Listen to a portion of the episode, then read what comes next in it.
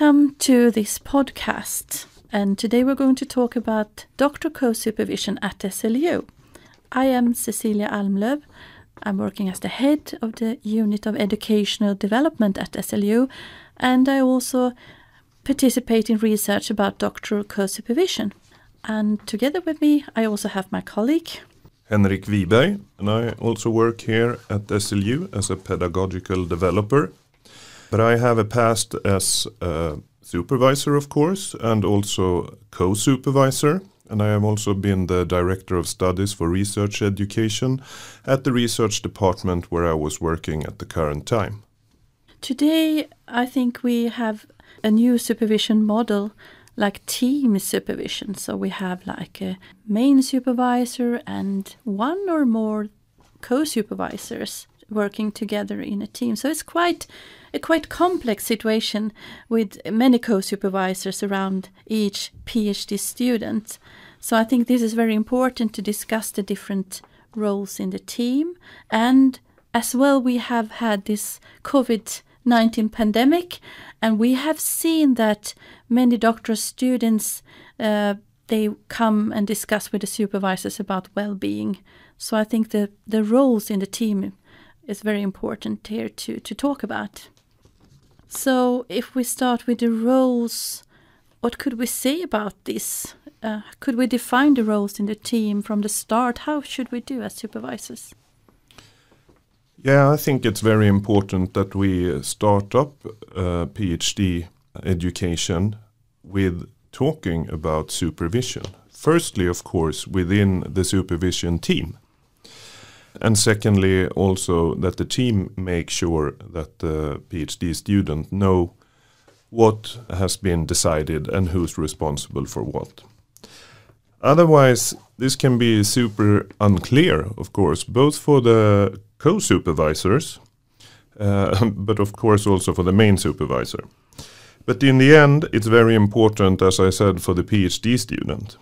They need to know who's responsible for what, what roles they have, when you can trust in, in one supervisor or when you go to another one. And all this uh, stating roles and, and responsibilities will help and take away a lot of um, misunderstandings, for example, or avoid conflicts of different sorts. So, in that case, I think it's very important. But then you can look at it on a more cynical point of view. It's also something that will make supervision a lot more efficient, mm. uh, both when it comes to time and money. You have a bunch of different reasons here. It's a good idea to start uh, discussing the roles within the team. And if we go to research articles about co-supervision, we can also see that new co-supervisors they are a bit unsecure and they really don't know exactly what the department or the university expects from them. So this is really important for them also to have time to discuss and to really clarify their role in order to be effective supervisors interesting things to discuss. And uh, if we think about the recruitment, when you start as a main supervisor, you have your supervisory team and you're going to recruit the team uh, for each PhD student. How can you think about that? What is important to think about when you recruit your colleagues? Yeah, of course, you want uh, the team to be effective and functioning in the best possible way. Therefore, you need to take a couple of variables in, into account the first thing that comes to mind is, of course, scientific skills. Yeah, that is everyone will say that. yeah, of course, because you are involved in a research project and you want the research project to go forward. You want to produce knowledge and results. Of course, you need different skills then. It can be methodological skills, for example. It can be uh, skills uh, concerning certain subtopic of the project and so on. So scientific skills. But then, of course, you might look at other variables as well. You might uh, take into account how many supervisors do you want involved. You don't want a team that is hard to lead, that will make it uh, hard to book meetings, for example. You are spread out in the world. You want to have it effective um, and easy to work with. And how many do you think that could be? Yeah, it's very different depending on what type of a project you have. You might have uh, interdisciplinary projects where you're in need of, of more co-supervisors, but according to guidelines here at uh, SLU, uh, we will try to, to keep it to no more than four. You can, of course, get uh, dispensees if, if needed. Then the group is growing and uh, the roles and the jobs of each supervisor will be more diffuse and, and so on. So, yeah. Is that including the main supervisor for all together? No, those are the, the co-supervisors. So one main supervisor and up to four co-supervisors. Do you think that they have different roles also, the co supervisors you mentioned here? If they have a large group, that one will be only like a standby supervisor, a co supervisor waiting for being more involved, but maybe staying a bit outside the supervisory discussions or? Personally, I don't think that is a good way of doing it. I think uh, the supervisors that are on paper and are in the project they should be part of it and they should take part and they should take responsibility. Otherwise, they are just a paper product for some reason. It could be that they need the merits or that they are the boss or a person you want to have involved uh, for it to look good on the paper or something like that. But uh, when it all comes down in the end, you want it to be something that is important and a help and a support for the PhD student. But there are, of course, persons like that around. Hmm. So, when you think about the recruitment, we have mentioned a few things. Are there any other important things to think about when you recruit?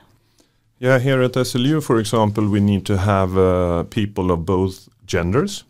So, we're not just having male or female supervisors. That is one important thing, of course. And in some cases, that can be quite hard we don't have a lot of researchers or a lot of uh, experts in the research area of one gender.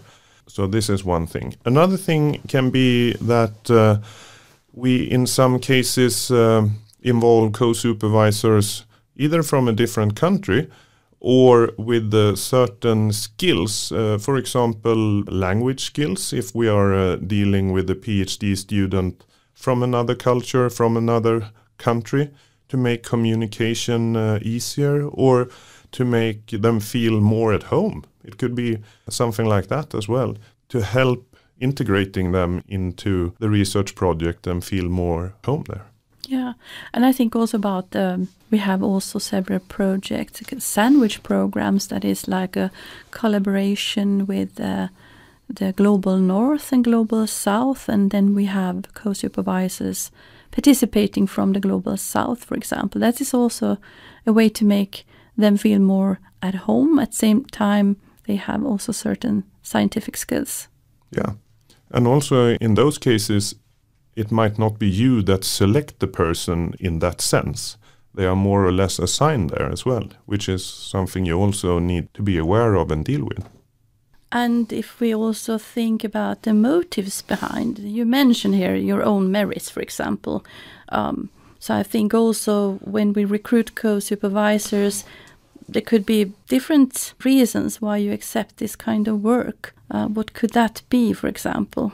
Yeah, in some cases it could be that you feel obliged to to be a supervisor.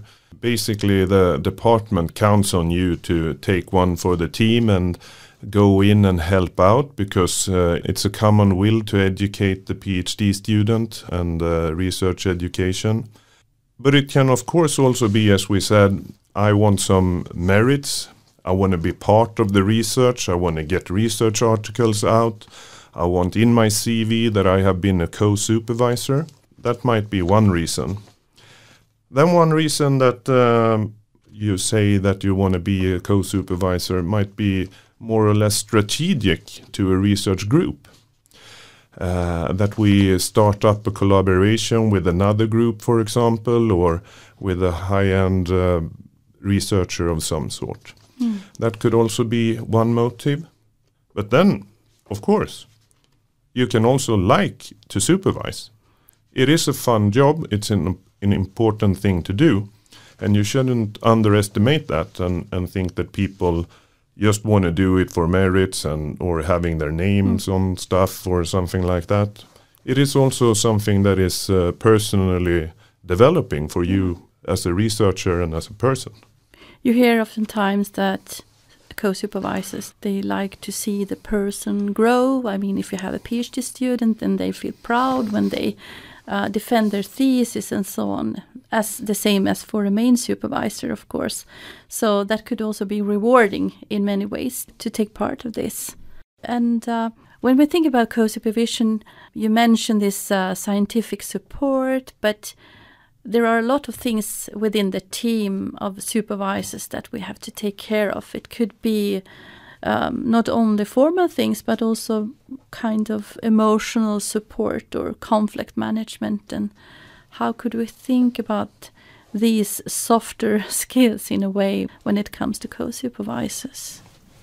Yeah, it's tricky because you can't really decide on everything. When it comes to emotional uh, support, for example, depending on what it is. It could be research emotional support when you have problems in the lab or when an experiment doesn't go as it should or if you get rejected with your with your journal articles or something like that. Yeah, then you have one type of moral support where the main supervisor could be involved, of course, but also uh, more formally the co-supervisors. But when it comes to other type of emotional support, if something happens in the PhD student's life or if they are low or whatever it is, usually as a person you turn to somebody that you that you click with or like. And usually that type of person is some someone that you can identify with. Maybe you're on the same level or feel that you are more or less on the same level. Not maybe your main supervisor who you look more to uh, as the boss or the project leader. So therefore, usually the co-supervisors might be the persons in this case. Also, you usually work more closely to them in some cases. For example, if you have a co-supervisor who's an expert in one important method that you are using, for example, you will work together in the lab, maybe days or weeks together and of course, you will then develop more or less of a personal bond in between yourself. Mm. I think especially if you're a new co-supervisor, because of course we have experienced co-supervisors as well, and they have been in different situations before. But if you're new co-supervisors, might find it difficult to handle this kind of emotional support. Um, we have heard co-supervisors discussing this here at SLU, for example. So how could we support them? Did, do they need any training, or how can we do the best for them to manage this kind of uh, emotional issues that will come up? Yeah, first of all, uh, it's very hard to not develop a personal bond. And as soon as you have done that, then you can go into a situation where you feel guilty if you are not that uh, emotional support. But as you say, you can take on everything. In some cases, you can even do harm, I would assume, if you come up with advices or you talk to the PhD students about things you don't really know. Therefore, it's of course very important that you, as a co supervisor, but also within the supervisory team, talk about uh, stuff like that and identify what types of support systems we have where you can turn if you actually think that the PhD students need other support than the support we are supposed to give as supervisors. Mm-hmm. Because, mm. of course, we are workmates and we are persons, but we are not psychologists or therapists or, or anything like that. And we need to think about that as well, even though we want to be nice and good people at the same time. Mm. I think that is a, a challenge. And sometimes maybe it's hard to see where should I draw the line between being a, a, good colleague and listening to someone and when I should like find external support. So I think this could be a delicate balance act for a co-supervisor and you might need help to decide and to recognize these kind of uh, lines and where to turn to someone else. And also to be open about it within the supervisory team. So that if I'm approached as a co supervisor by the PhD student, I might also talk to the main supervisor or another co supervisor about it so they know what's happening and I can get advice on if I should continue doing this or if we should involve somebody else or recommend the PhD student to go further with it. Mm. And is that a challenge, do you think, within the team to? I mean, suppose that the student, the PhD student, come to you with uh, uh, something personal and says, "I haven't talked to anyone about this. You're the first person, and I don't want you to say anything." What should you do as a co-supervisor? Yeah, that's the question. It depends on the situation and what it is, of course, and it's very tricky. Uh, if it has to do, for example, the work situation or the work environment, then you might be obliged to actually bring it up with somebody else. Maybe not the main supervisor. If they are part of the problem, then it can be the head of the department instead. Yeah, good idea. But it's hard to say. It depends on what the issue, the problem, or uh, or what we're talking about. Yes, and um, as a co-supervisor, you can also be involved in, for example, career planning um, so that could also be interesting, but also challenging for them to think about the doctor student's future in a way. And how should you, as a supervisor, act here? Yeah, I think that all supervisors have a responsibility in, in some way. Either you can have uh, actually a plan. You have discussed this together in the supervisory team. How do we provide good information or a good start for the PhD student when they are actually leaving our lab or our group. We can help them by going to conferences, uh, creating or letting them into our research networks, talk about collaborations, and so on. Uh, and this is something that uh, that is more and more important. Uh, the Swedish Authority for Higher Education have in several cases when they have reviewed research educations at different higher education institutions in Sweden seen that this is overlooked in many cases both by the university but also by the supervisors and therefore it's good to to think about mm. and it is like a part of the supervisory work or that they have to do or should do or yeah, it's indicated as well by the same authority that this is something that, that the supervisors should be aware of and maybe also responsible for. And therefore, it's smart to think about it to have some kind of a well thought through plan, which might uh, involve, of course, the co supervisor as well. And then we meet some supervisors here at SLU, and uh, they say, Well, I supervise a lot, but I'm not formally a supervisor, so I think we could call them informal co supervisors. And so, what is the difference between this kind of informal supervision and the co supervision? Yeah, it also depends on who it is and, and why they take on this role. In some cases, we have staff at the university working with, for example, as BMAs or as lab techs who are involved in lab work or field studies and stuff like that.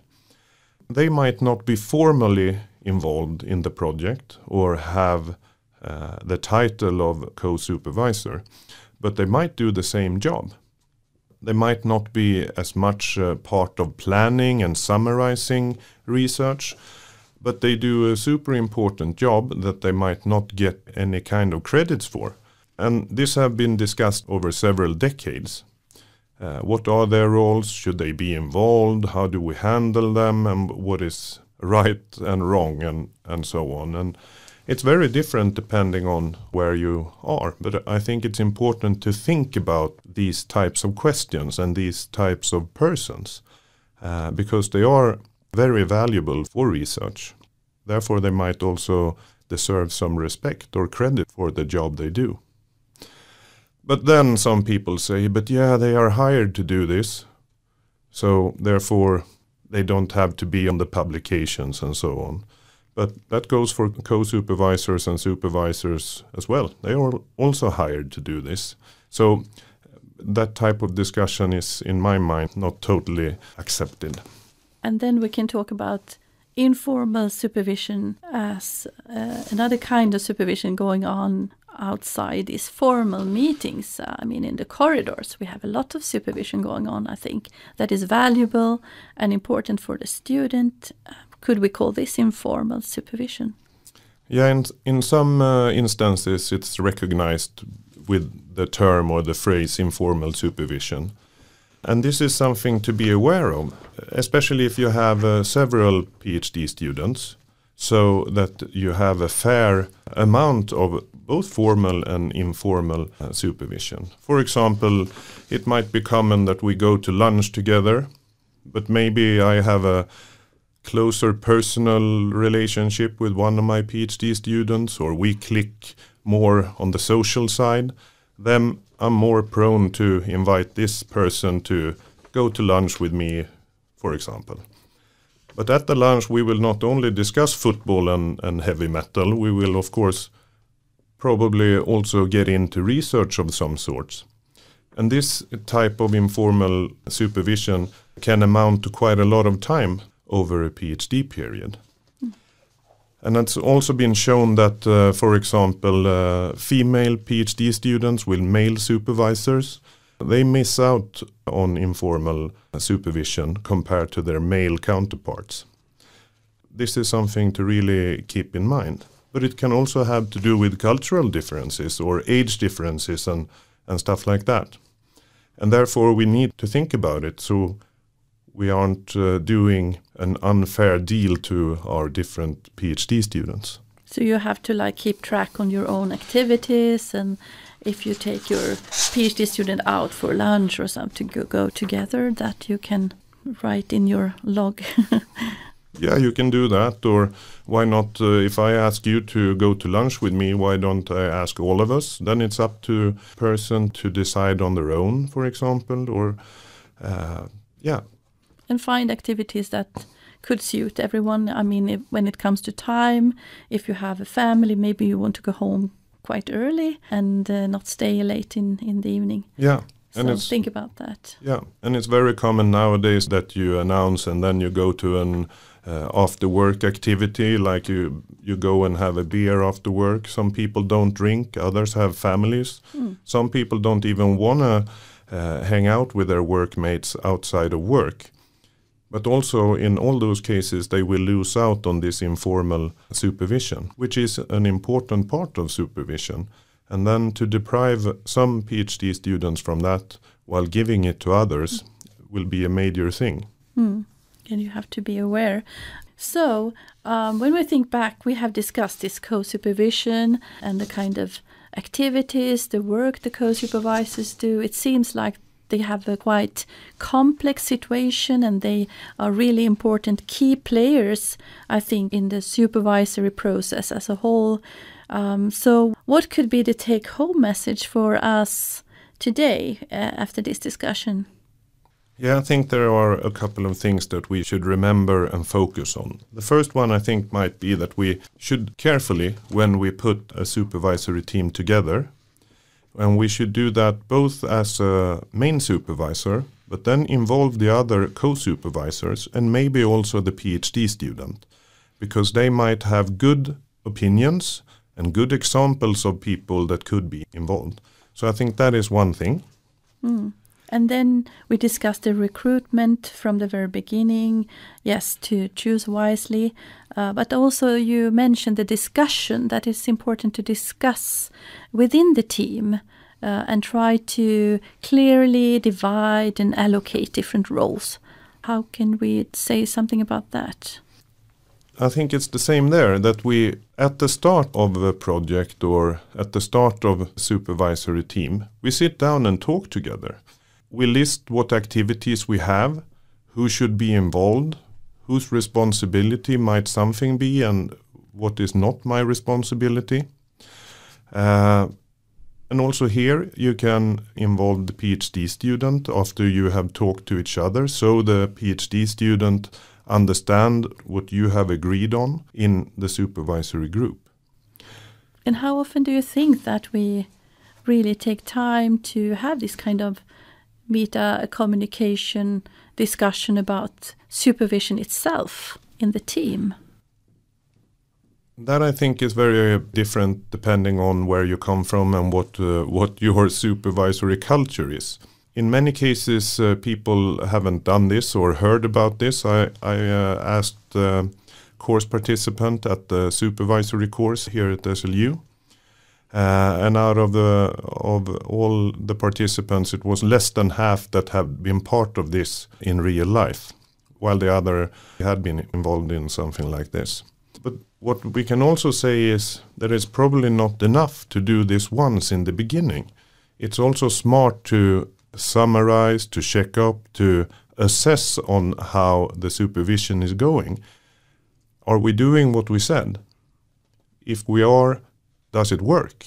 If it doesn't work, then maybe we should talk about it and come to another sort of agreement or, or something like that. Do you think that a PhD student uh, dare to really say what they think about the supervision if it's not working? I think that very much depends on the relationship that has been created between the PhD student and the supervisors. I think that in the beginning, for example, before this have been established, and you notice that you have an open culture where you can talk about things, then it might be hard. Uh, I did this with my PhD students, for example, and I noticed in the beginning they looked at me like I was from another planet. Yeah. but then when I asked them again and again and again continuously, and they started to feel more and more comfortable about talking about it, and also they understood that I cared about what they were saying and tried to actually adjust or do something about it, then it became a, a regular thing in our supervisory discussions. Sometimes also it might be helpful to talk about things before conflicts occur or something happens. So if you say something when you start with your PhD student that it's okay if you come to me and, and discuss things or personal issues or if you feel uncomfortable if I do something, then it's maybe easier because you have already discussed this from the start before something happened. So that could also be a good idea to start with. Yeah, absolutely. And this type of meta communication between both the supervisors themselves and the supervisors and the PhD student, to have that continuously, I think that is a crucial part to make this work as good as possible. So we have our co-supervisors as important players in this game, in this supervision on the supervision journey. Um, but we also have to think about the PhD student that will be the important person to think about and the doctoral journey in progress. And it's important. Yeah, absolutely. Otherwise, if you just look at the research project as a project, then you don't need supervisors, then you need co researchers. But here we are talking about supervisors and co supervisors. They are part of the research education for this specific PhD student. And that is not just the research, that is the whole educational process. And the supervisory team should be put together for the benefit of the PhD student not for themselves or the research project per se. And also, as you say, the PhD student is the product of the doctoral journey. It's not always only the project, the research project. So, what we are thinking about when we talk about research education is that the doctoral student will be a doctor. That is also the product. So, then we need the co supervisors. They are really important key players. So, we would like to continue the discussion about co-supervision and also the research about co-supervision. If you have any questions or comments about co-supervision and what we can do to make co-supervision work even better, even though we have many dedicated and engaged co-supervisors here at our university, you're welcome to contact us at EPU for consultation and discussion about these issues. Thanks a lot for listening to our podcast today on the topic Doctor Co Supervision, and we hope to see you soon here at SLU. And stay tuned for the next podcast will come in a month. Thank you. Thanks a lot.